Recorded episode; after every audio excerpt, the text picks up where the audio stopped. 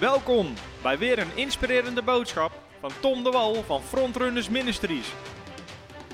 We bidden dat je via deze aflevering geïnspireerd wordt in je leven met God en opgebouwd wordt in je geloof. Oké, ik wil gaan delen wat God op mijn hart heeft gelegd, maar daarvoor laten we eerst gaan bidden. Vader, dank u wel voor uw woord. Heer, Dank u wel dat u spreekt tegen uw gemeente. En Heilige Geest van God, ik bid gewoon dat u brandt in harten uw woord voor ons land en voor ons volk. Heer, we zijn zo dankbaar dat u een sprekende God bent. U bent geen dode God, u bent geen stomme God, u bent een sprekende God. Halleluja. Vader, en we bidden voor oren om te horen wat u zegt tegen de gemeente. Zodat we kunnen gehoorzamen en het kunnen doen in de naam van de Heer Jezus Christus. Amen. Oké, ik heb een profetisch woord voor Nederland ontvangen. En we zijn 21 dagen aan het bidden en vasten. En het gaaf is dat er 700 mensen meedoen. En ik doe dat altijd aan het begin van het jaar, omdat ik wil horen wat God zegt. Wat God spreekt tot mij, tot de bediening, maar ook tot het land en wat God zegt over het land.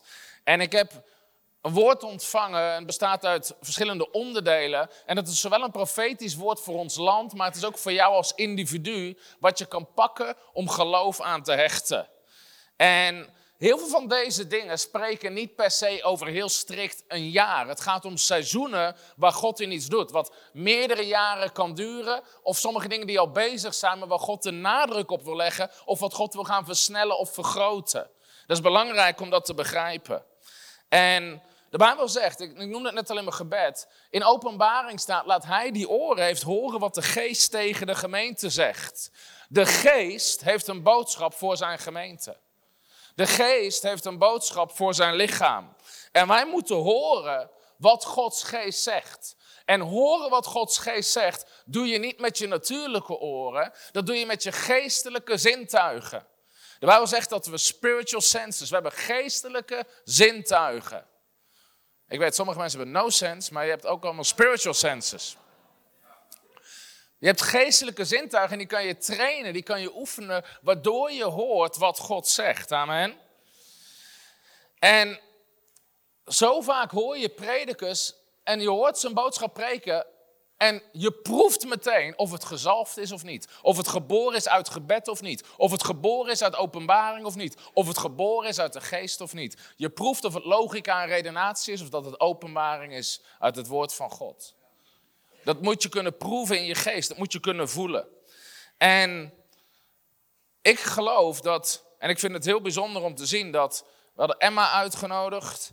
En uh, Wim heb ik ook gevraagd, die hebben ook de afgelopen diensten gedeeld. Het is bijna eng om te zien hoe God van allerlei richtingen hetzelfde spreekt. Maar dan weet je dat het God is. Als we alle drie met iets totaal anders zouden komen, zou het, een, zou het bijzonder zijn. Dan klopt er iets niet. En ik hoorde van Peter Power dat Chuck Pierce, een profeet, speciaal naar Nederland is gekomen voor één avond. En dat zijn woord ook één op één gelijk was aan het woord wat Emma heeft gedeeld. De afgelopen twee diensten. Dus je weet dat God is iets aan het spreken. Amen. En als God spreekt, moeten wij opletten. En moeten we er iets mee doen. Dus ik wil zeven dingen met je delen die ik in gebed heb ontvangen. Waarvan ik geloof dat het Gods woord is voor Nederland voor 2024. En dat het dingen zullen zijn van de, die misschien wel het seizoen daarna ook doorgaan. Het bijzondere was dat Emma, die begon vanmiddag te profiteren.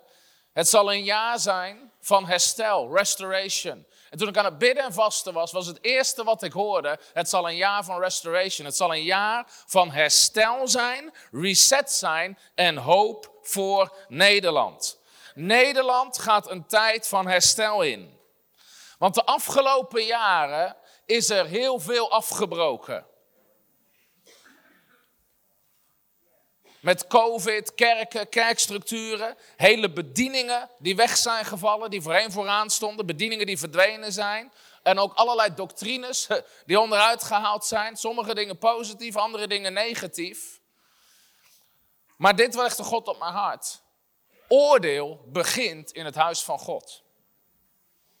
Oordeel begint in het huis van God. Nou, er zijn zelfs veel christenen die hebben gebeden voor oordeel in de zin van, Heer, oordeel de zondige wereld. Dat doet God, maar oordeel begint in het huis van God. Oordeel begint in het huis van God. En dat is iets wat we hebben gezien de afgelopen tijd. Dat God is in zijn huis gaan oordelen. Emma sprak vanmiddag over de raad van God.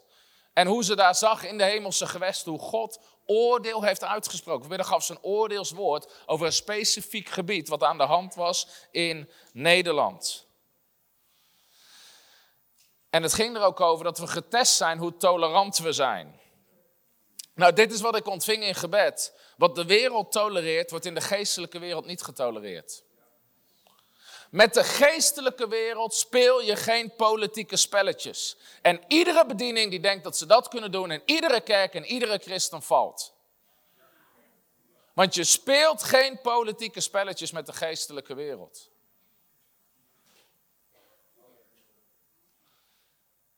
De geestelijke wereld ziet dat niet door de vingers. Zonde, ongerechtigheid, onreinheid en onzin kan niet blijven bestaan in Gods koninkrijk. En God is het er aan het uitfilteren. Hij is zijn bruid aan het voorbereiden. En wordt gezuiverd. Nou, ook tegen Jeremia gaf God al de opdracht om af te breken voordat hij kon opbouwen. Je moet eerst afbreken voordat je kan opbouwen. We hebben een pand gekocht met frontrunners, maar het pand wat erop staat is heel slecht. Ik kan niet zeggen, nou weet je wat, zet het nieuwe gebouw er maar gewoon op. We moeten dat ding helemaal afbreken voordat we op kunnen bouwen. En veel mensen in Nederland willen wel opbouwen, maar niet afbreken. Maar dat kan niet. En God zalft bedieningen, mannen en vrouwen van God en elke kerken, om eerst dingen af te breken. Waarom? Om een tijd van herstel in te gaan. Maar zie je vaak als je profiteert in een tijd van herstel, denkt iedereen heeft er een heel lief, oh herstel. Ja, maar dan moeten eerst dingen afgebroken worden. En dat is al gebeurd de laatste jaren en dat proces zal verder gaan. En ik hoorde in mijn geest het woord reset. God is bezig met een reset. En dat is al een tijdje bezig. En het grappige is, we weten, de duivel plant een great reset. Maar de duivel imiteert wat God doet.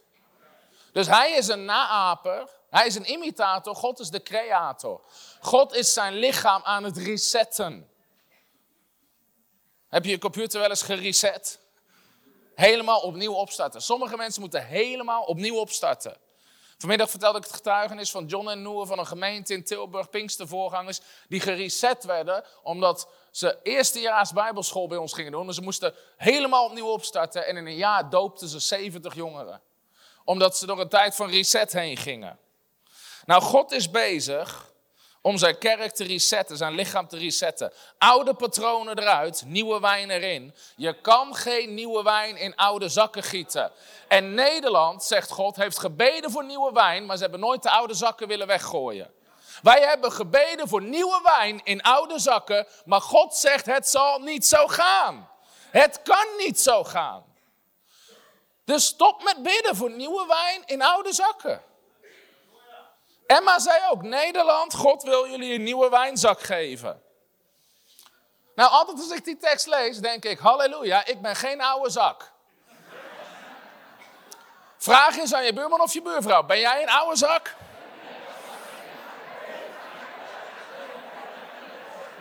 Daarna mag je zeggen, u ziet er niet uit als een oude zak.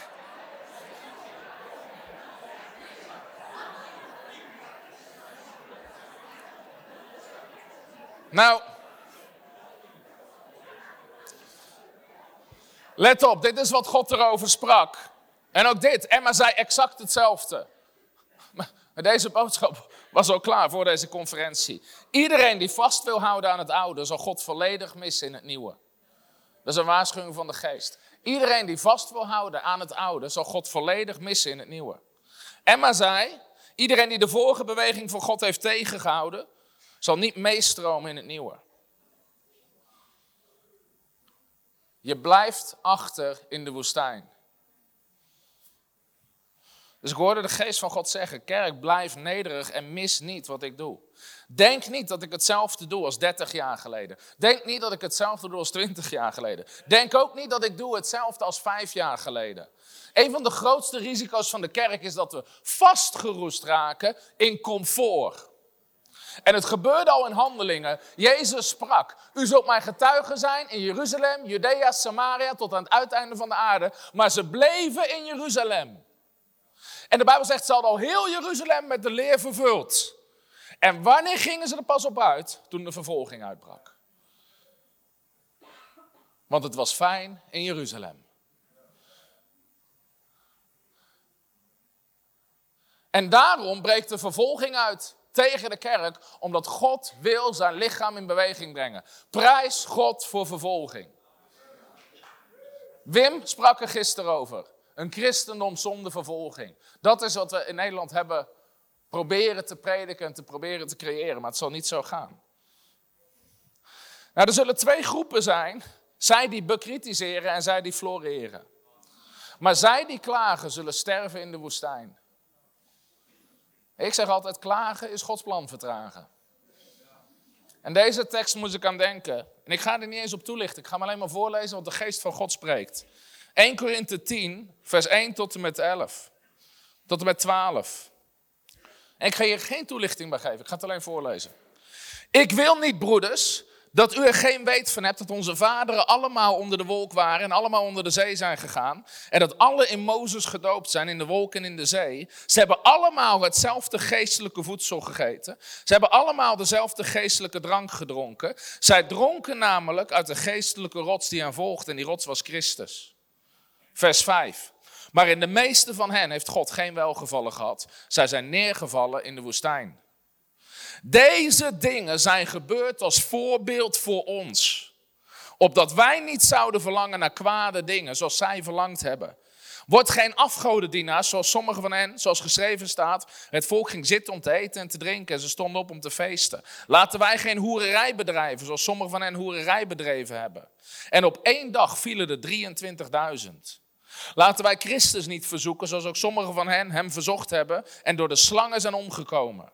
En mor niet, klaag niet, zoals sommigen van hen geklaagd hebben en zijn omgekomen door de verderver.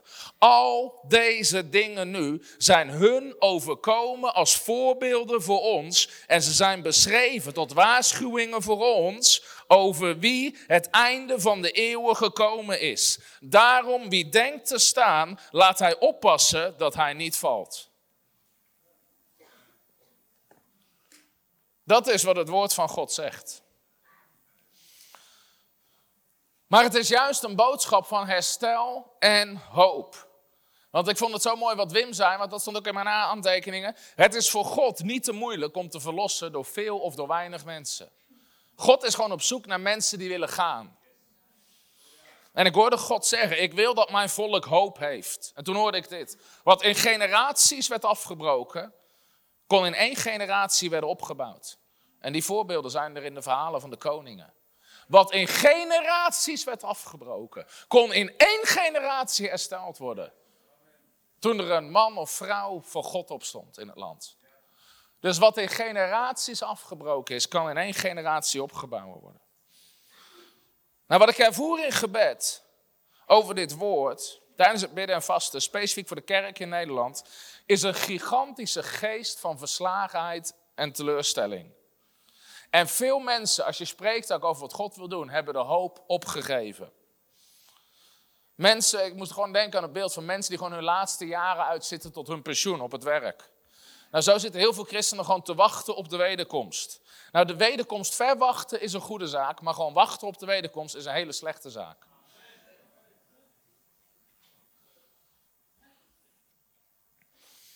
Maar teleurstelling ligt als een soort deken over veel christenen, kerken en werken heen.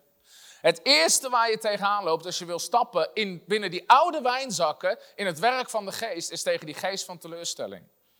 Want iedereen heeft wel een teleurstellend verhaal.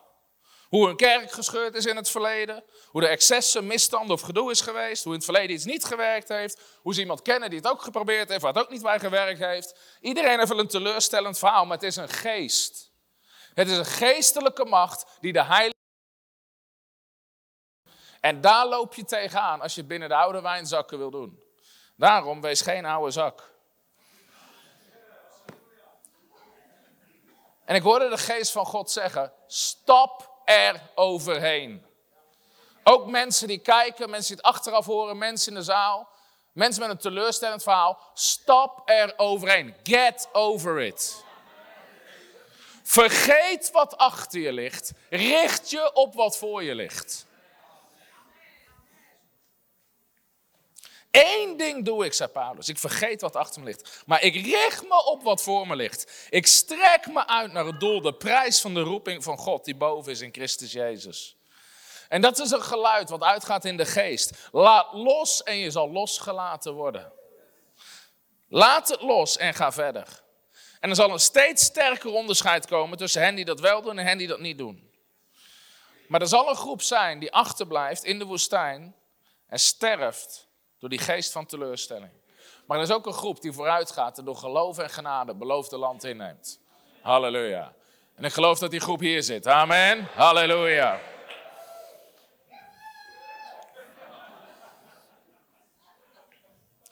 Nou, een geest van teleurstelling, want God gaf me daar openbaring over toen ik over aan bidden was.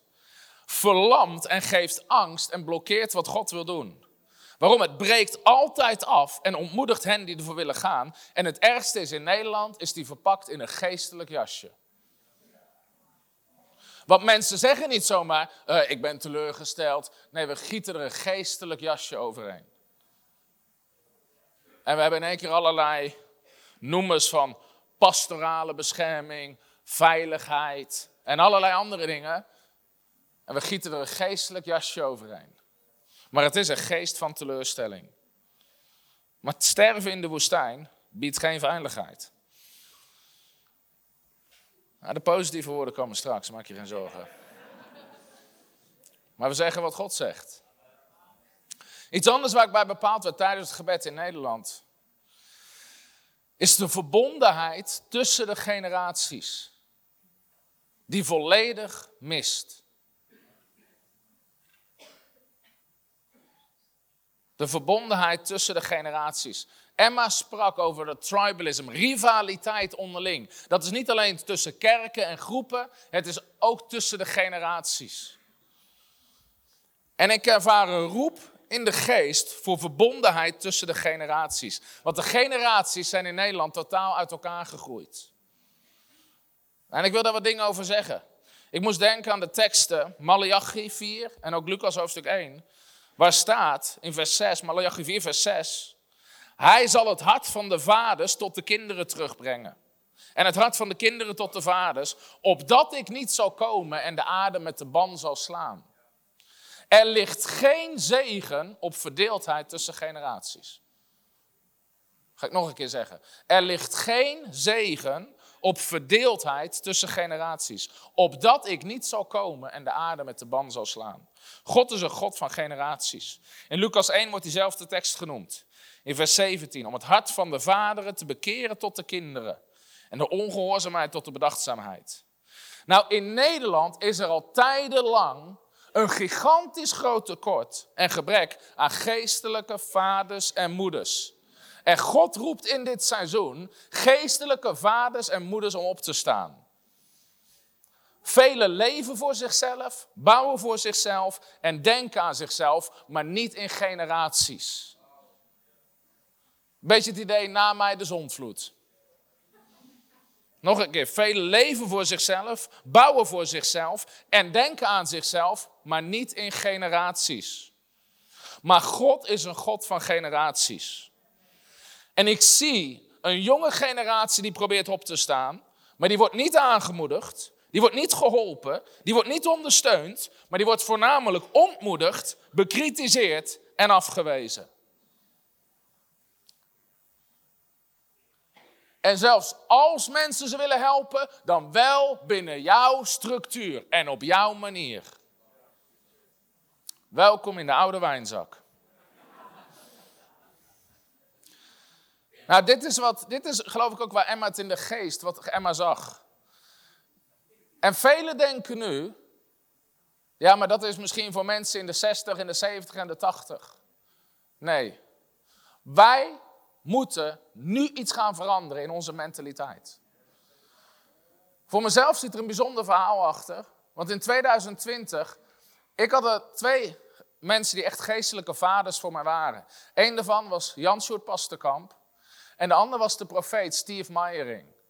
En er gebeurde iets bizars, want Jan Sjoerd en Steve Meyering, Steve woonde in Amerika, overleden allebei op dezelfde dag, in 24 uur. De een op 9 maart, de ander op 10 maart. En Steve was niet eens ziek, dat was redelijk onverwacht. Toen, anderhalve maand later, overleed mijn natuurlijke vader. Dus mijn twee geestelijke vaders vielen weg en mijn natuurlijke vader. En toen kreeg ik een profetie van iemand. You're going from a season from having fathers to being a father for others. En toen dacht ik, dat kan niet, ik ben 27. Maar sinds dat moment hebben we tussen de 15 en 20 nieuwe kerken en bedieningen kunnen starten, helpen starten, ondersteunen. Halleluja. En daarvoor was dat nul. In drie jaar. You're going from a season, from having fathers to being a father of others. Weet je, we zijn niet geïnteresseerd in een eigen koninkrijk bouwen. Daarom heet het ook geen frontrunnerskerk. Noem dat ding zoals jij het noemt. Ga jij rennen met jouw roeping op je leven. Maar we helpen je, we zegenen je, we geven je financiën, we geven je advies, we steunen je. Ga ervoor. Niet denken, jij moet bij mij komen om mij te helpen. Nee, wij helpen jou. Wij helpen jou. En misschien zitten hier veel meer mensen die misschien in de 20 zijn of in de 30 zijn of in de 40 zijn. Denk niet van, oh dat is. Nee, jij kan nu al de houding aannemen van een geestelijke vader en moeder voor anderen. Jij kan twintiger zijn en tieners helpen.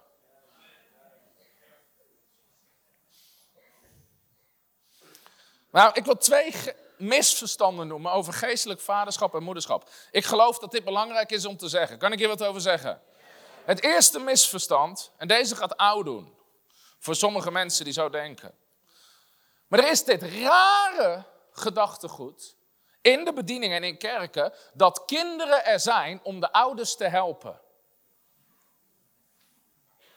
Want in veel kerken is het zo, en in veel bedieningen is het zo, dat ze kijken tegen mensen aan. Iedereen is hier om mij te helpen.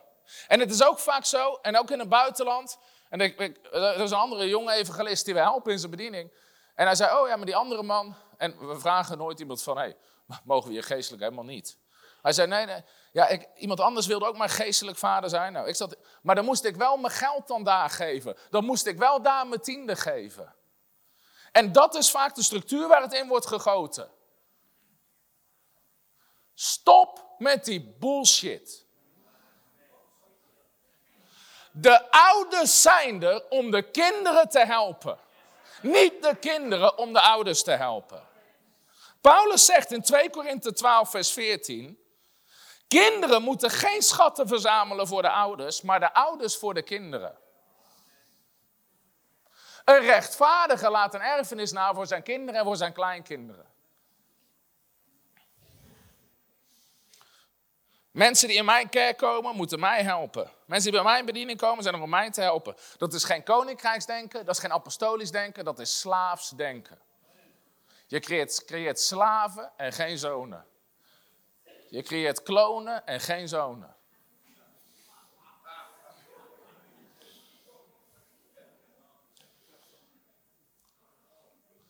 Is dat duidelijk? Gaan we anders hiermee om voortaan? Help mensen, zegen ze. Misverstand nummer twee. Deze gaat ook oud doen. Het initiatief voor herstel moet vanuit de kinderen komen. Dit hoor je vaak van de oudere generatie. Uh, ja, maar de jongere generatie moet maar naar ons toe komen om wijsheid te vragen. Maar Malachi zegt, hij gaat de harten van de vaderen bekeren tot de kinderen. De vaderen en de moeders, zij horen volwassen te zijn. Zij horen het initiatief te nemen. Zij horen de laagste weg te gaan. Amen. Het moet vanuit die kant komen. Het hart van de vaderen bekeren tot de kinderen. Nou, om dit eerste punt positief af te sluiten, God zei ook, in binnen deze trant. Het gaat een jaar worden van geloof. Het is herstel, hoop en reset. Velen gaan van teleurstelling naar geloof. En de groep die zich bij geloof in de Heilige Geestbeweging aan zal sluiten, zal vergroten. Want mensen zullen zien dat het het enige is wat werkt. Amen. Dus dat was het eerste wat God sprak over herstel, hoop en reset. Het tweede, wat ik hoorde in mijn geest, was what no eye has seen. Wat geen oog gezien heeft. Dat is wat God klaar heeft liggen voor mensen in 2024. Er zijn dingen wat geen oog gezien heeft, geen oor gehoord heeft, in geen menshart is opgekomen. Dat is wat God bereid heeft voor hen die hem lief hebben. Dus God doet iets nieuws. God wil nieuwe dingen doen. Dat is het eerste. Het tweede is, God is aan het versnellen. Nou, en dit is precies wat Emma ook profeteert over de voetstappen, de tempo wat sneller gaat. Ik ben aan het versnellen, zegt God. En iedereen die erin stapt, zal versteld staan. Er zullen dingen gebeuren die geen oog heeft gezien, geen oor heeft gehoord wat nog geen menshart is opgekomen. Dat is wat God heeft klaar liggen. Daarom had Emma het over snel beslissen. De Bijbel zegt: wees niet traag. Die hebben veel christenen nooit gelezen. Ik maak altijd grapjes over. Want ik zat vroeger in een kerk. Zolang ik er zat, twintig jaar lang, hebben ze vergaderd of dat de kleur van de gordijnen anders mocht. En na twintig jaar waren ze er nog niet uit. Maar veel christenen zijn traag. Ik maak altijd een grapje met van Nemo. Spreek jij walvis? Oké, kennen mensen Nemo nog? Veel mensen zijn traag. Veel christenen zijn traag. Maar Emma sprak ook over snel beslissen. Snel. Nou, om te versnellen moeten bestaande structuren losgelaten worden. Onze structuren blokkeren een versnelling. Onze structuren blokkeren de versnelling die God wil geven. Dingen zullen sneller gaan. Kerken die ontstaan en binnen een paar jaar met duizend mensen zitten. Bedieningen die in no time landelijke invloed hebben. Bedrijven die in no time miljoenen gaan verdienen voor God Koninkrijk. Het is de tijd voor grote gevers. God wil dingen gaan versnellen. De maaier zal de zaaier inhalen. En met wat nou I has seen, wat ik ook hierbij geloof, wat God sprak, is de kerk moet weer openbaar worden. En daarom geloof ik dat die bediening van Wim ook zo belangrijk is. Gewoon in de openbaarheid. En God wil mensen strategieën geven, kerkenstrategieën geven, hoe de kerk openbaar kan worden. Net zoals de kerk in handelingen gewoon functioneerde in de zuilengangen van Salomo, gewoon op de tempelpleinen. Het derde, en dit was een vertolking van tongentaal, wat God voorbij me terugbracht van de Blessed Conference. Nieuwe werken en nieuwe kerken. Halleluja. Dat hoort bij de nieuwe wijnzak. Nieuwe kerken en nieuwe werken. En God sprak toen, en velen hebben het misschien gezien of waren bij die dienst.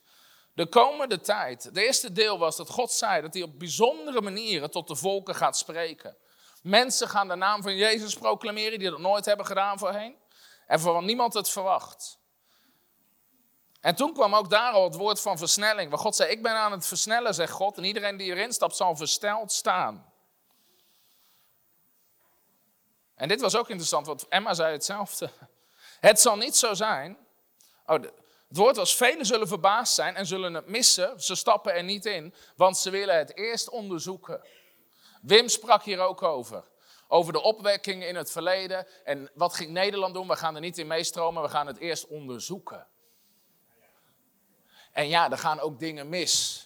Maar Wim zei het zo mooi. Jezus heeft al lang gezegd in de gelijkenis van het onkruid. Het onkruid komt tegelijk op met de oogst.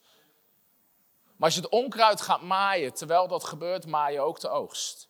En dat is de fout die Nederland telkens is ingegaan als er een beweging van Gods geest was. Wij gingen ons focussen op het onkruid ertussen en daardoor pakten we in het geheel niet wat God wilde doen. Amen. Maar God deelt zelf met het onkruid. Laat het maar gaan. Maar veel mensen willen eerst onderzoeken. En toen sprak God. Het is niet voor hen die eerst onderzoeken. Het is voor hen die erin stappen, voor hen die gaan rennen en voor hen die alles overgeven. Amen. Er zal een versterking komen van de gaven van de geest. Velen zullen hun kerk uitgezet worden omdat hun kerk er geen ruimte voor maakt. Maar ik ben het die het doet, zegt God. Ik zal nieuwe kerken openen. Ik zal nieuwe werken openen. Waar mijn geest kan waaien, waar mijn geest kan doen wat hij wil. En God zei ook, wees niet verbaasd als ik mensen zal roepen om kerken te starten waarvan niemand het had verwacht. Maar het zal zijn omdat zij luisteren naar mijn geest. Er gaat een gewind van Gods geest over dit land komen. Sommige mensen zullen letterlijk s'nachts wakker gehouden worden. Ze zullen zo in vuur en vlam staan. Het zijn mensen die gaan rennen met Gods geest. En Emma profiteerde exact hetzelfde. Vele krantenartikelen zullen verschijnen van nieuwe kerken en nieuwe werken. Dus het is de tijd in Nederland van nieuwe kerken en nieuwe werken. Amen. Halleluja.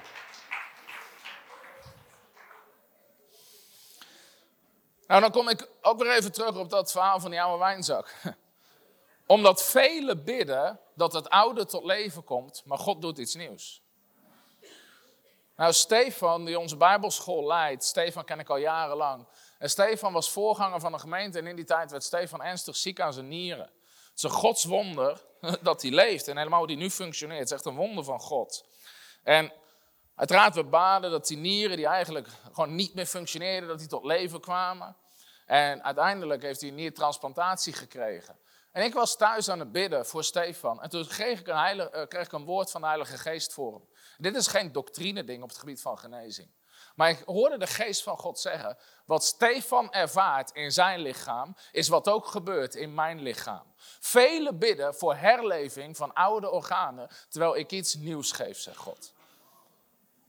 Velen bidden dat het oude tot leven komt.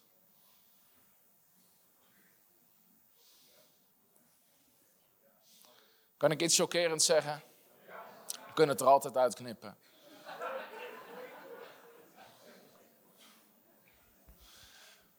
Er zijn veel profetieën geweest, profetieën over opwekking in de traditionele kerken, maar het zijn profetieën uit het vlees.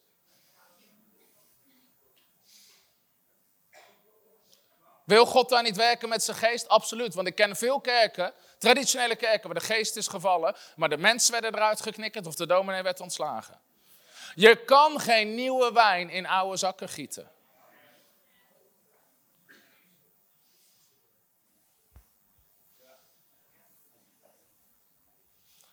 Velen bidden dat het oude tot leven komt, maar God doet iets nieuws. God wil nieuwe structuren creëren, nieuwe zakken creëren.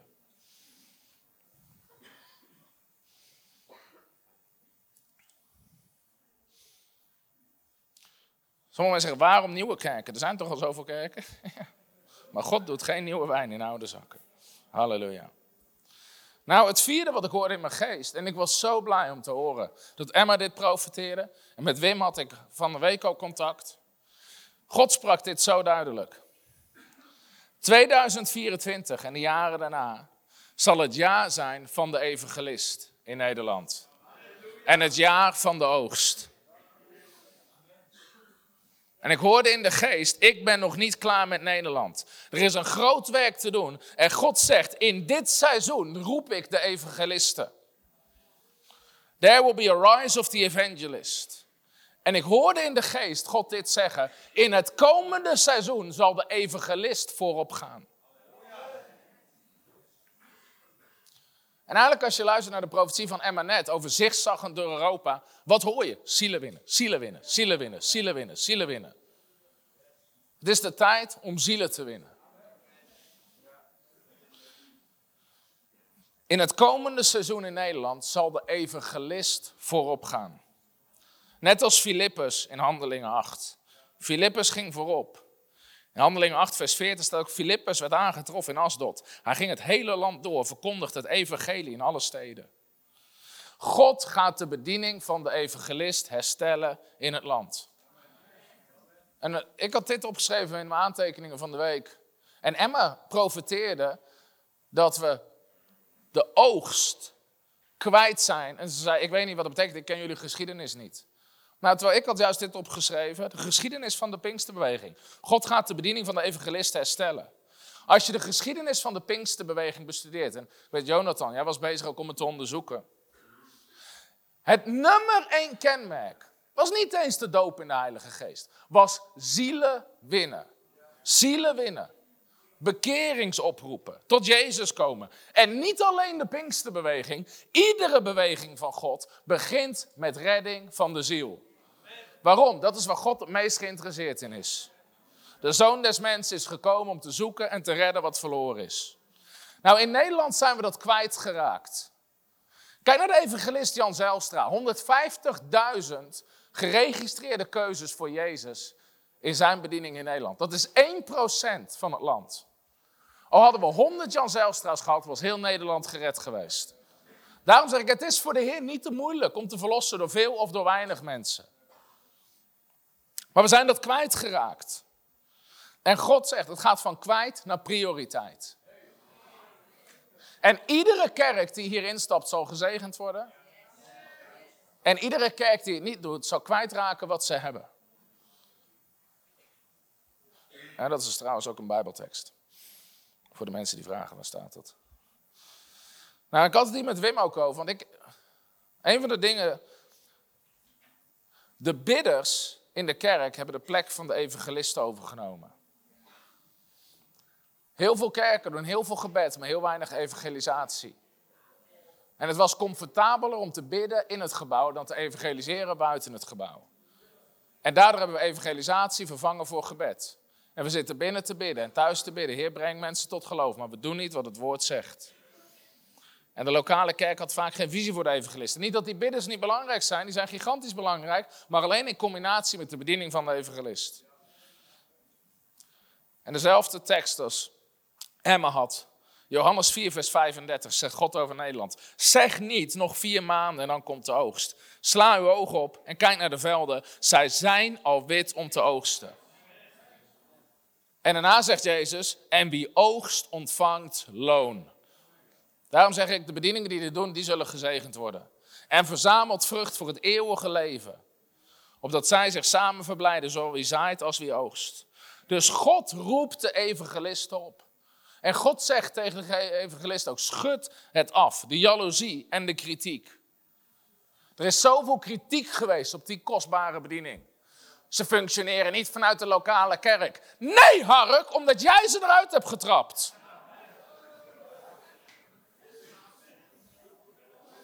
Ze hadden jou eruit moeten trappen. Ze discipelen mensen niet. Nee, dat had jij moeten doen, maar je had hem eruit getrapt. Het zijn losgeslagen projectielen. Zoals zijn voorganger belde hem op. Het is wild vuur. Ik heb liever wild vuur dan geen vuur. Halleluja.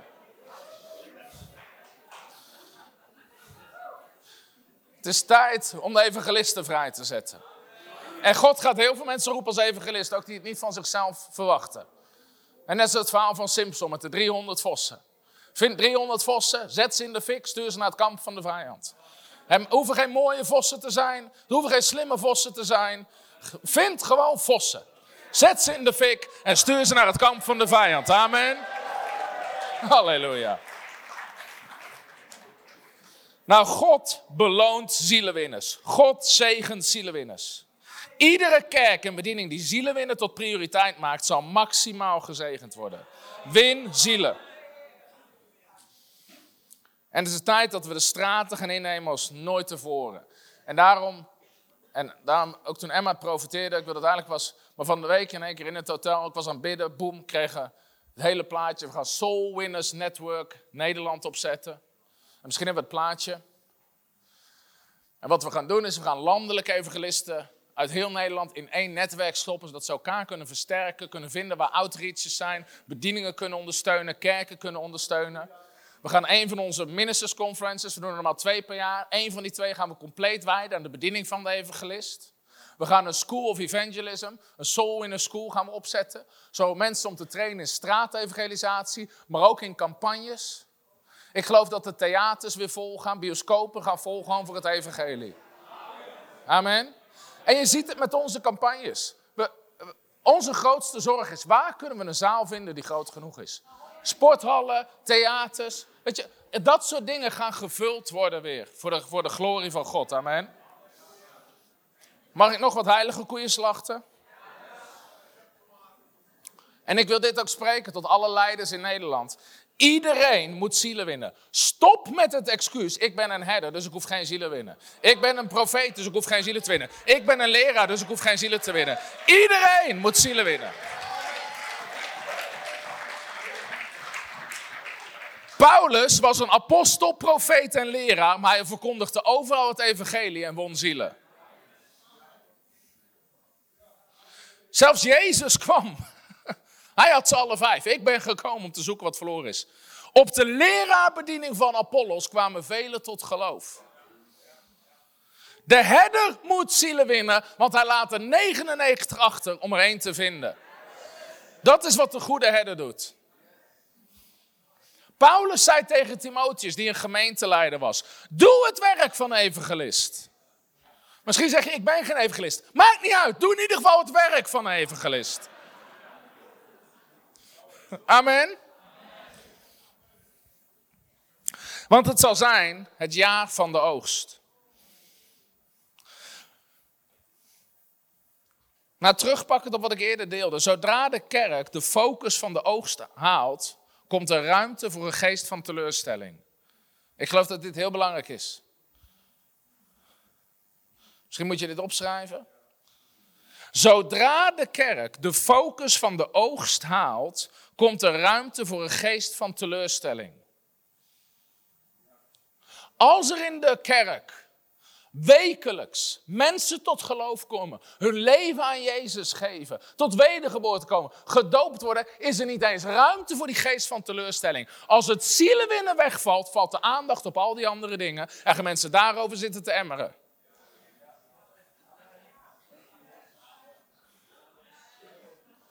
En God gaf hem dat woord uit Lucas hoofdstuk 5 over de netten. Weet je, toen die netten, toen Jezus zei, werp je netten uit. En ze worpen hun netten uit. En ze werden vol met vissen. En de netten begonnen te scheuren. Wat deden ze? Ze begonnen andere boten erbij te halen. En de boten begonnen bijna te zinken.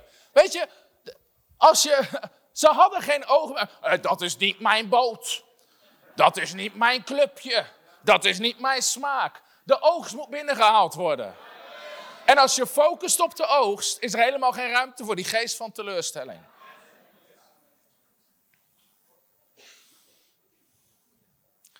Kerken die kampen met teleurstelling en een gebrek aan beweging van de geest, begin weer zielen te winnen, want daar beweegt de geest op. Nou, ik zat met ook met een gemeenteleider hier in de kerk, die hier nu zit. Niet hier in deze kerk, maar ik zit in de raad van toezicht. En we hadden een meeting over de richting van de kerk. Toen sprak ik dit woord, wat ik geloof dat het uit de geest was. Want het ging ook over anders kerk zijn. Toen zei ik, de zondagse samenkomst speelt een rol, maar niet de hoofdrol. De zondagse samenkomst speelt een rol, maar niet de hoofdrol. En in veel kerken speelt die zondagse samenkomst de hoofdrol. En alles is daaromheen gebouwd. Het is gewoon bijna entertainment. Maar de zondagse samenkomst zou niet de hoofdrol moeten zijn. Het echte weg wordt op maandag, dinsdag, woensdag, donderdag, vrijdag, zaterdag. En op zondag vier je wat God doet. En je gaat weer verder. Maandag, dinsdag, woensdag, donderdag. Zielen winnen, koninkrijk bouwen, discipelen, vermenigvuldigen. Al die dingen hoor ik. Weet je, de kerk heeft dat familie zijn, dat samenkomen verheven tot de hoofdrol.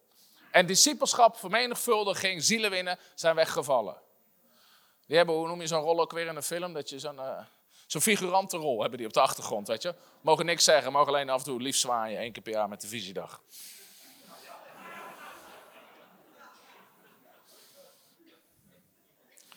Nou, als mensen naar de oogst kijken, vervallen de problemen en verschillen.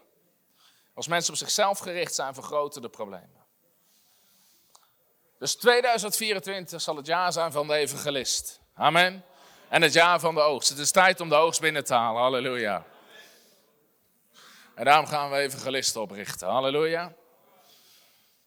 Dus als je buurman of je buurvrouw eruit ziet als een vos die door kan voor een evangelist. zeg maar tegen ze: God roept jou om zielen te winnen.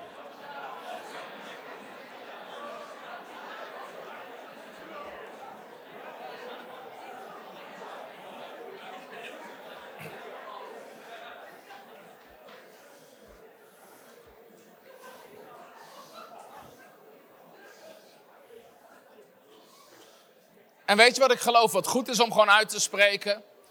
Is dat we zeggen, we houden van de bediening van de evangelist. Amen.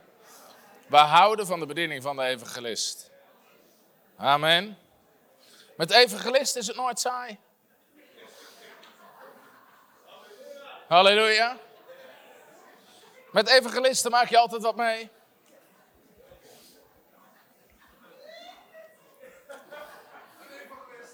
Dat is een evangelist, ja. Halleluja. Het vijfde wat ik hoorde. Nog... En ik geloof dat. Nou, vorig jaar heb ik een profetisch woord gedeeld over de gunst van God. Dat God zei, de tijd van mijn gunst is gekomen. En het vijfde wat ik hoorde was, de gunst gaat door. Het zal een jaar zijn van extreme gunst. Nou, hoeveel hebben het afgelopen jaar Gods gunst ervaren? God zegt, de gunst gaat door. Het zal een jaar zijn van extreme gunst. Weet je, soms kunnen wij in ons hoofd grenzen hebben, beperkingen hebben. Van, oh, het zal wel tot zoveel, maar God is van de overlopende maat. Vorig jaar deelde ik ook dat God zei, ik zal laten zien dat ik El Shaddai en Jehovah Jireh ben. De tijd om Sion gunst te bewijzen is gekomen. De tijd om Sion gunst te bewijzen is gekomen. The time to favor her. Jezus kwam om het jaar van gunst te prediken. The time of the Lord's favor has come. U zegent te rechtvaardigen en u omringt hen met gunst.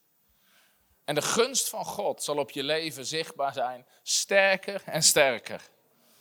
Amen. En vorig jaar deelde ik dit ook, maar ik wil dit opnieuw. God zegt: geloof mij voor het beste. Geloof mij voor het beste. God gaat zijn kinderen belonen en hartsverlangens geven. Nou, ik deelde dit. We hadden kerstdiner met ons team. En toen kreeg ik ook een profetisch woord voor ons team. Ik zei, weet je, jullie gaan zo de gunst van God ervaren. En sinds dat moment sturen mensen allemaal appjes ook in de groepschat van... Mensen hebben nieuwe woningen. Mensen gewoon bizar, krijgen nieuwe auto's. Mensen krijgen op allerlei dingen, beginnen de dingen te gebeuren. Gewoon voor gunst, gunst, gunst, gunst. God bewijst zijn kinderen gunst. Hij is een goede vader. En hij gunt zijn kinderen. Halleluja. Ben je blij dat God een gunnende God is? Dus God zei, de gunst gaat door. Nou, we hebben vorig jaar zelf ook zoveel gunst gezien. Maar God zei, aan mijn gunst zitten geen grenzen. Het zal zijn het jaar van de onbegrensde gunst van God. Laat me komen. Halleluja, dat is de goede reactie. Zijn er meer die zeggen, laat me komen. Halleluja. Laat me komen. Halleluja. En wat hierbij hoorde, en die laatste drie hebben eigenlijk bij elkaar, met elkaar te maken. De gunst gaat door en God zei, de zegen groeit. De zegen neemt toe. En ik hoorde God zeggen, hij is zijn kerk in Nederland voorspoedig aan het maken. Want de kerk is veel te lang vanwege angst weggebleven bij voorspoed. Maar God is zijn kerk voorspoedig aan het maken. Daarom komt ook het boek God van voorspoed uit. Omdat we schrijven niet zomaar boeken. Als je nu mij vraagt, wat wordt je volgende boek? Ik weet het niet, want God heeft nog niks gezegd. Kan je zelf niks bedenken? Jawel, maar er zit geen zegen op. Je wil iets brengen op de juiste tijd. Daarom toen, ik wilde nooit boeken schrijven. Want ik dacht, er zijn al zoveel goede boeken. Je hebt ten eerste de Bijbel en daarnaast heb je heel veel goede boeken. En toen op een nacht kon ik niet slapen. En ik zeg altijd, als je niet kan slapen, ga je geen schapen tellen, maar praten met de herder. Dus ik ging naar beneden, ik ging bidden en ik hoorde de stem van God. En God zei, ik wil dat je een boek schrijft over tongentaal. En toen zei ik, heer, er zijn al goede boeken over tongentaal. in het Engels waren er verschillende goede boeken over tongentaal. En toen zei God, iedere generatie heeft zijn eigen stem nodig. Iedere generatie heeft zijn eigen stem nodig. Dus toen schreef ik een boek over tongentaal. Toen sprak God daarna, ik wil dat je een boek schrijft over partnerschap. Nou, het begrip partnerschap was totaal onbekend in Nederland. Sterker nog, toen we dat gingen doen, ontmoedigden alle andere bedieningen ons. Uh, dat kent niemand, je moet het vrienden noemen. Ik vind dat zo beroerd als je je vrienden moet kopen.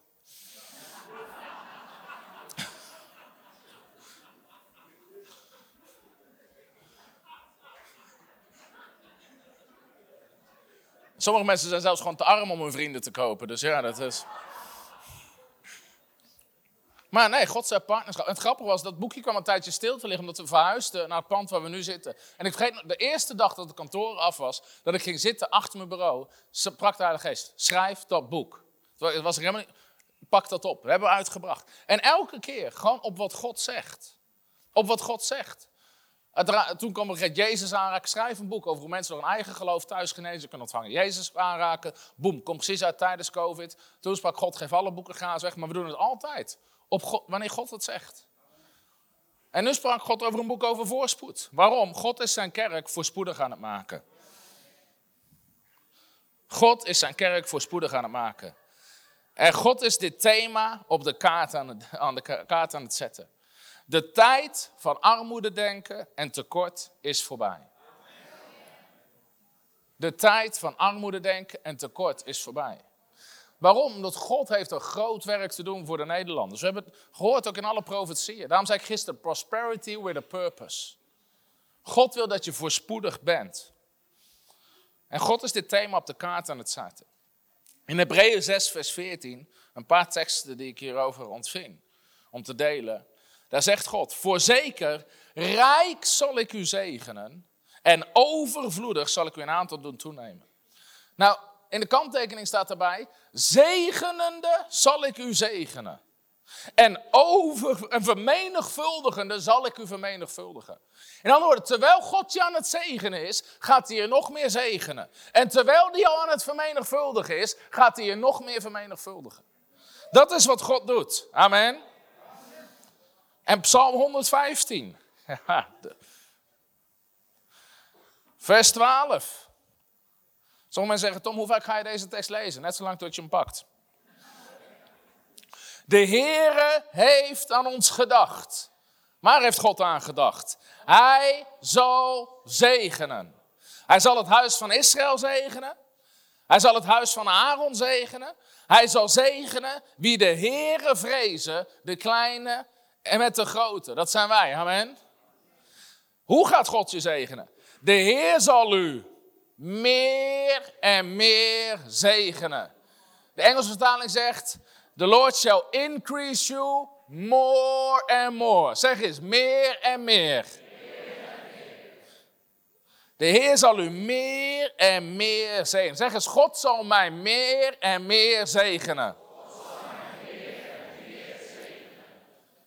Nou, dit confronteert bij mensen in hun Nederlandse Calvinistische denken. Uh, zo is het genoeg. Meer en meer. Amen. God is niet El Chipo, hij is El Shaddai. Sommige Nederlanders denken dat ze later in de hemel komen. Dat jij zegt, goedkoop gedaan, trouwe dienstknecht.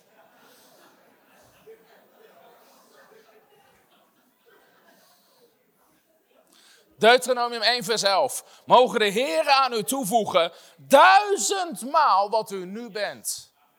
May the Lord increase you a thousand times more.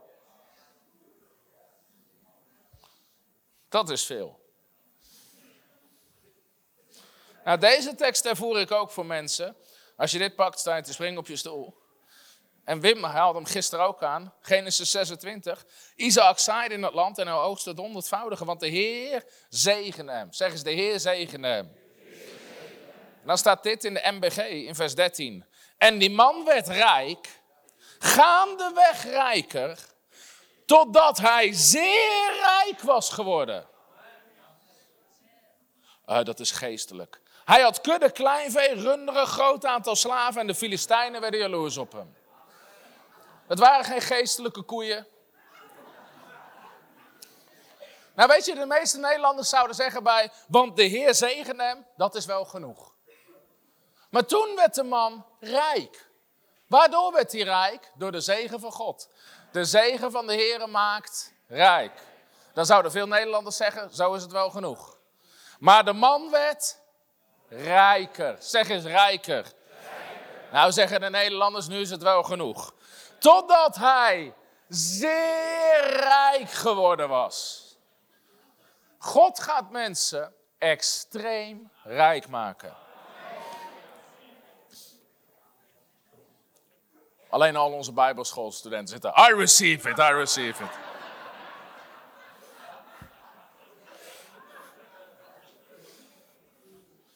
De man werd rijk en rijker, totdat hij zeer rijk was geworden. Het is ook Nieuwe Testament, zo zult u in alles rijk worden. Die tekst die ik gisteren ook aanhaalde, in Zacharia 1 vers 17, daar zegt God, predik verder, zegt de Heer van de legermachten, mijn steden zullen nog verder uitbreiden, zegt de HSV vanwege het goede, maar de MBV zegt ze zullen overvloeien van voorspoed. They will spread out through prosperity, want de Heer zal Sion troosten. Gods steden zullen overvloeien van voorspoed. En die boodschap gaf God aan Zacharias. Predik dit. Hij was een prosperity preacher. Hij kreeg gewoon opdracht om prosperity te preachen. Predik dit. Wat moet ik preken? Mijn steden zullen overvloeien van voorspoed. Gods koninkrijk gaat overvloeien met voorspoed. Het is tijd om af te rekenen met armoede denken, tekortdenken en beperkingen denken, want dit past niet bij Gods koninkrijk. Weet je nog wat Emma gisteren heeft gezegd? It's a limitless kingdom. It's a limitless kingdom. En het is rival, het gaat tegen all other powers. Het gaat tegen armoede. Gods koninkrijk is against poverty. Het roeit armoede uit.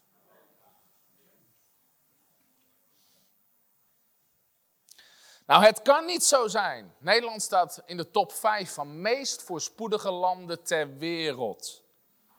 Ter wereld. En je hoeft maar naar België te rijden om het verschil te zien. Amen.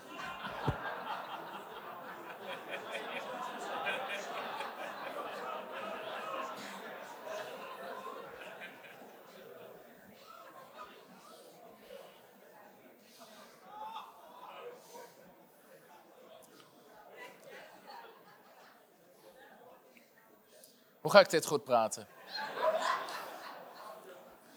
Ik dacht ook nog, God, is, God is, kan geen Belg zijn. God heeft straten van goud. In België hebben ze straten van hout. Halleluja! Oh. Maar punt is, Nederland is echt gigantisch voorspoedig. Een van de rijkste landen ter wereld. Nederlanders zijn gemiddeld een van de rijkste mensen ter wereld. En Emma vroeg hier ook naar in het hotel, maar hoe kan het zo zijn dat we in zo'n voorspoedig land wonen, zo'n ondernemersgeschiedenis hebben, maar zo bekrompen denken en denken in tekort als het gaat om Gods werk en Gods koninkrijk? Ons bent en dan moet ons van bekeren, joh.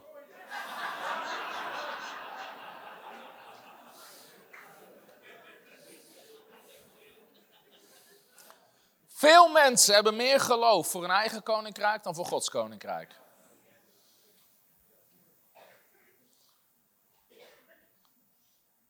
Maar het past niet bij het koninkrijk van God. Bij Gods koninkrijk hoort overvloed en voorspoed en meer dan genoeg. Amen. En het laatste wat ik daarbij ontving. straks gaan we ook een tijd hebben van voorbeden. Het zal zijn het jaar van Gods overlopende maat. Het zal zijn van Gods overlopende maat. En de tekst die erbij hoort is natuurlijk Lucas 6, vers 38. Geef en u zal gegeven worden. Een goede, vastgedrukte, geschudde, overlopende maat zal men u in de schoot werpen. Want de maat waarmee u meet, zal er bij u ook gemeten worden. Het zal het jaar zijn van Gods overlopende maat. Halleluja. Zijn er mensen klaar voor de overlopende maat? Halleluja. Niet net genoeg, maar meer dan genoeg. Het jaar van meer dan genoeg. Er is overvloed in Gods koninkrijk. En God zegt: Ik roep mijn kerk op om niet te functioneren vanuit budget, maar vanuit visie en geloof. Ik hoorde God zeggen: My church is not on a budget. Nederlanders leiden kerk en bedieningen op basis van budgetten en begrotingen. Bekeer je. Bekeer je. Scheur die dingen doormidden. Echt waar. Steek ze in de brand. Veeg je kont ermee af. Hoe, hoe kan ik het nog meer duidelijk maken? Ik hoop niet dat ze dit vertalen voor Emma, die denkt echt. Wipe your ass off with it. Ik help de vertalers in de vertaalboot, want die denken vast hoe gaan we dit correct doen. Maar My church is not on a budget. Gods kerk en Gods koninkrijk staat niet onder de bewindvoering.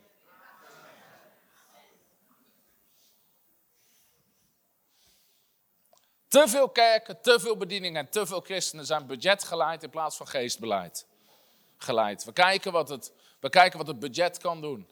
Als ik jou zou ik eens gaan kijken wat God kan doen.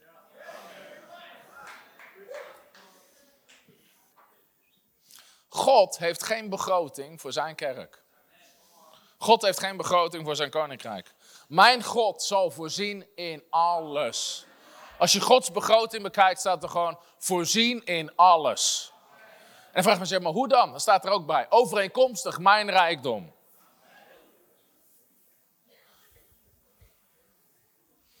It's a limitless kingdom. Nou, een van de teksten die God sprak, tot mij ook toen we ons gebouw aan het bouwen waren, was over Jezaja 54 vers 2. En dat, eh, je kent die tekst, sla je tentpinnen wijd uit. En dan staat er zo mooi, in de NLT staat er dan, spare no expense. Spare no expense. Bezuinig niet, in andere woorden. Probeer het niet zo goedkoop mogelijk te doen. Spare no expense. Gods zorg is dat Gods koninkrijk gebouwd wordt. Overvloed, voorspoed, gunst en zegen zijn tekenen van Gods koninkrijk. Het zal het jaar zijn van Gods overlopende maat. Nou, let op, hier komt een praktische instructie bij. Iedereen die overvloed, overvloed predikt, zal in overvloed leven. Maar mensen die zich zullen schamen voor Gods woord, zullen het niet hebben. Kerken die zich schamen voor Gods woord, zullen het niet hebben. Bedieningen die zich schamen voor Gods woord, zullen het niet hebben. Marcus 16, de Heer werkte mee en bevestigde het woord wat zij predikten. God kan alleen bevestigen wat jij predikt. Als jij het niet durft te prediken, gaat God het ook niet bevestigen. En dit geldt voor alles. Niet bevrijding in achterkamertjes, maar niet in de openbare dienst. Uh, ik, ik geloof wel de voorspoed, maar we prediken het niet. Bekeer je. Predik. Ga staan voor het woord. Als jij gaat staan voor het woord, gaat Gods woord staan voor jou. Als jij gaat staan voor Gods woord, gaat Gods woord staan voor jou. Nou, wat is de overlopende maat? Het is een goede, vastgedrukte, geschudde, overlopende maat. Weet je, zoals Nederlanders een yoghurtpak uitknijpen. Zeg maar, dat is dan de tegenovergestelde geest. Iedereen weet ook direct. Die, die, ene Belg is ook helemaal verbaasd nu. Ja.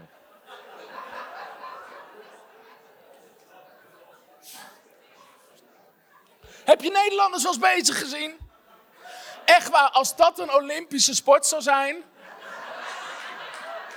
Ieder jaar gouden medaille, yoghurtpak uitknijpen. De flessen likken, ja. Ik heb gehoord dat yoghurtpakken in Nederland qua recyclen kunnen zo teruggevuld worden. Die zijn gewoon al helemaal leeg, schoon, uitgelikt. Die laten ze alleen maar vollopen. Die zetten ze weer terug in de winkel en die worden hergebruikt. Er zit geen druppel meer in.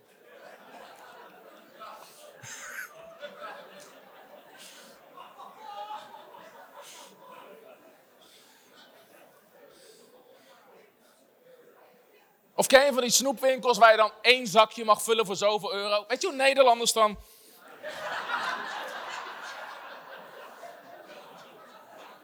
Echt waar, als Nederlanders dat doen, Pepermuntjes veranderen in smintjes.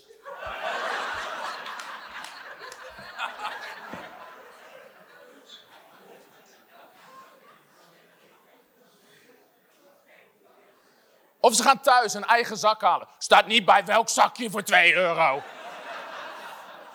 Heb je dat gezien van de week? De, de, de, toiletpapier in de aanbieding bij de Plus voor 1 euro. Diezelfde mensen die toen corona uitbrak, hun grootste zorg was of ze hun kont konden afvegen, stonden daar weer bij de Plus. Toiletpapier voor 1 euro. Wat doe je met dat spul? Vreet je het op? Wat doe je ermee?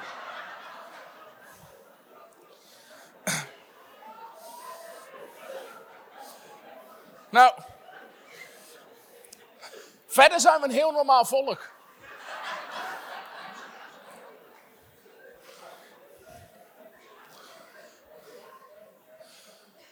Als er 15 cent korting is op de benzine, staat er een rij van 6 uur. Heb je dat wel eens gezien op, op nieuws? Als je die 6 uur ging werken, had je je tank voor de volle prijs 10 keer kunnen vullen.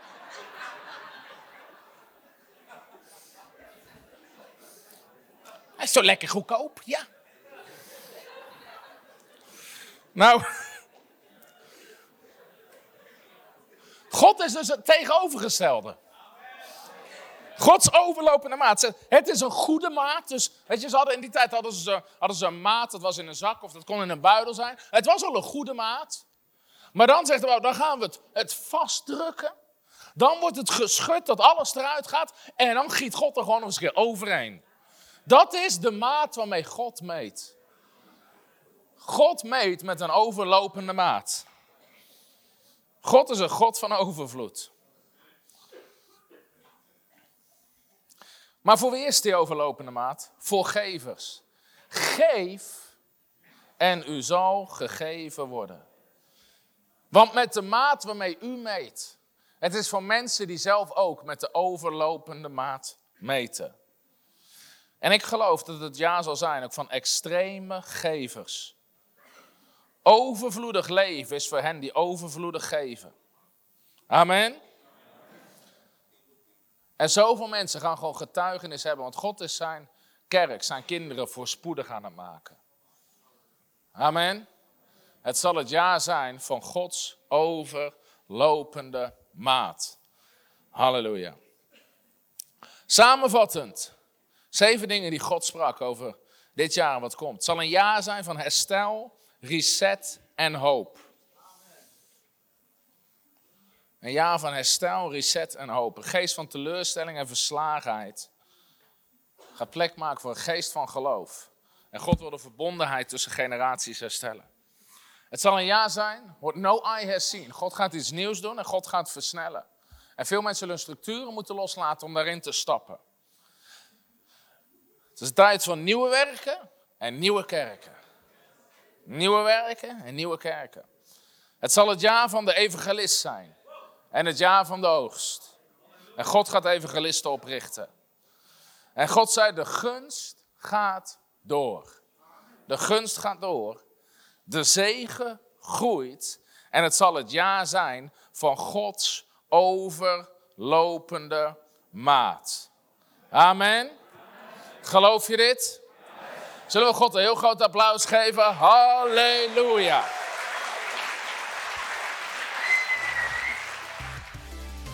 Hallo, Tom de Wol hier en bedankt dat je weer geluisterd hebt naar onze podcast. Ik bid dat het je geloof gebouwd heeft en je bemoedigd bent. Als je niet alleen een luisteraar van onze boodschap wil zijn, maar ook een verspreider daarvan, wil ik je uitnodigen om partner te worden van Frontrunners. Door jouw maandelijkse donatie help je ons om dit evangelie van Jezus Christus en het woord van God over heel de aarde te brengen. Om partner te worden, ga naar www.frontrunnersministries.nl slash partners en word partner. Hartelijk bedankt en tot snel.